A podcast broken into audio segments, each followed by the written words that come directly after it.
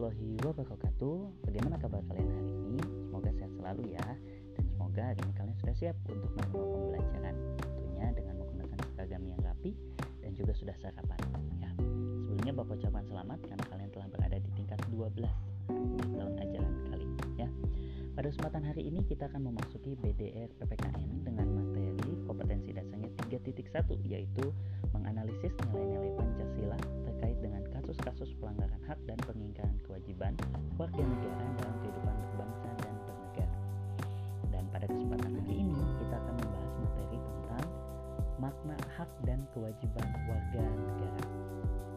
Apa saja sih hak dan kewajiban warga negara dan apakah itu sama dengan hak asasi manusia? Kita akan ulas pada podcast kali ini. Ya, untuk itu tetap ikuti materinya dari awal sampai akhir ya. Nah, hari ini kita akan mulai dulu dengan apa itu hak. Nah, hak Bapak yakin kalian sudah tahu ya apa itu hak dan kewajiban. Hak adalah sesuatu yang harus kita peroleh dan kewajiban adalah sesuatu yang harus kita lakukan. Lalu mana Pak yang harus kita dahulukan? Hak dulu atau kewajiban dulu? Nah, jawabannya adalah tentu harus beriringan. Di mana ada hak, berarti di situ ada kewajiban ya. Sehingga kita tidak bisa memilih salah satunya. Sehingga kita harus menjalankan keduanya. Karena kalau kita melaksanakan hak dan mengabaikan kewajiban akan terjadi pelanggaran. Begitupun sebaliknya kalau kita mendahulukan kewajiban mengabaikan hak juga akan terjadi pelanggaran. Maka tentu kita harus bertanggung jawab melaksanakan keduanya secara beriringan ya.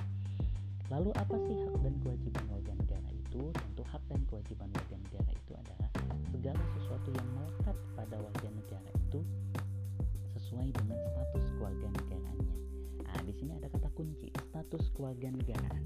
Berarti yang memiliki hak dan kewajiban warga negara adalah mereka yang sudah memiliki status keluarga negaraan. Lalu apa bedanya Pak dengan hak asasi manusia? Kalau hak asasi manusia dia sifatnya universal, jadi berlaku di seluruh dunia. Ketika kamu pergi ke mana pun, HAM itu tetap berlaku. Namun ketika berbicara hak dan kewajiban warga negara, tentu sangat terbatas. Contoh, Ketika kamu berada di Indonesia, kamu memiliki kewajiban membayar pajak.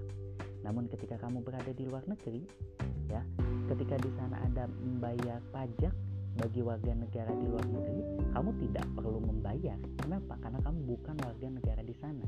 Mungkin kamu hanya perlu membayar biaya visa saja. Begitupun, begitupun dengan kewajiban menaati hukum.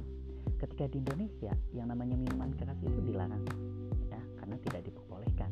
Namun ketika kamu berada di sebuah negara yang dingin misalkan ya, ketika kamu ada batasannya menggunakan minuman keras itu, maka kamu tidak akan dihukum.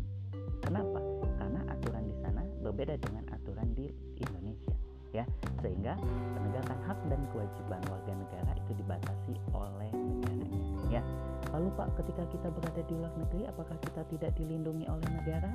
Tentu dilindungi. Kenapa? Karena itu adalah bagian dari hak warga negara. Ya. Jadi, apa saja sih hak dan kewajiban warga negara?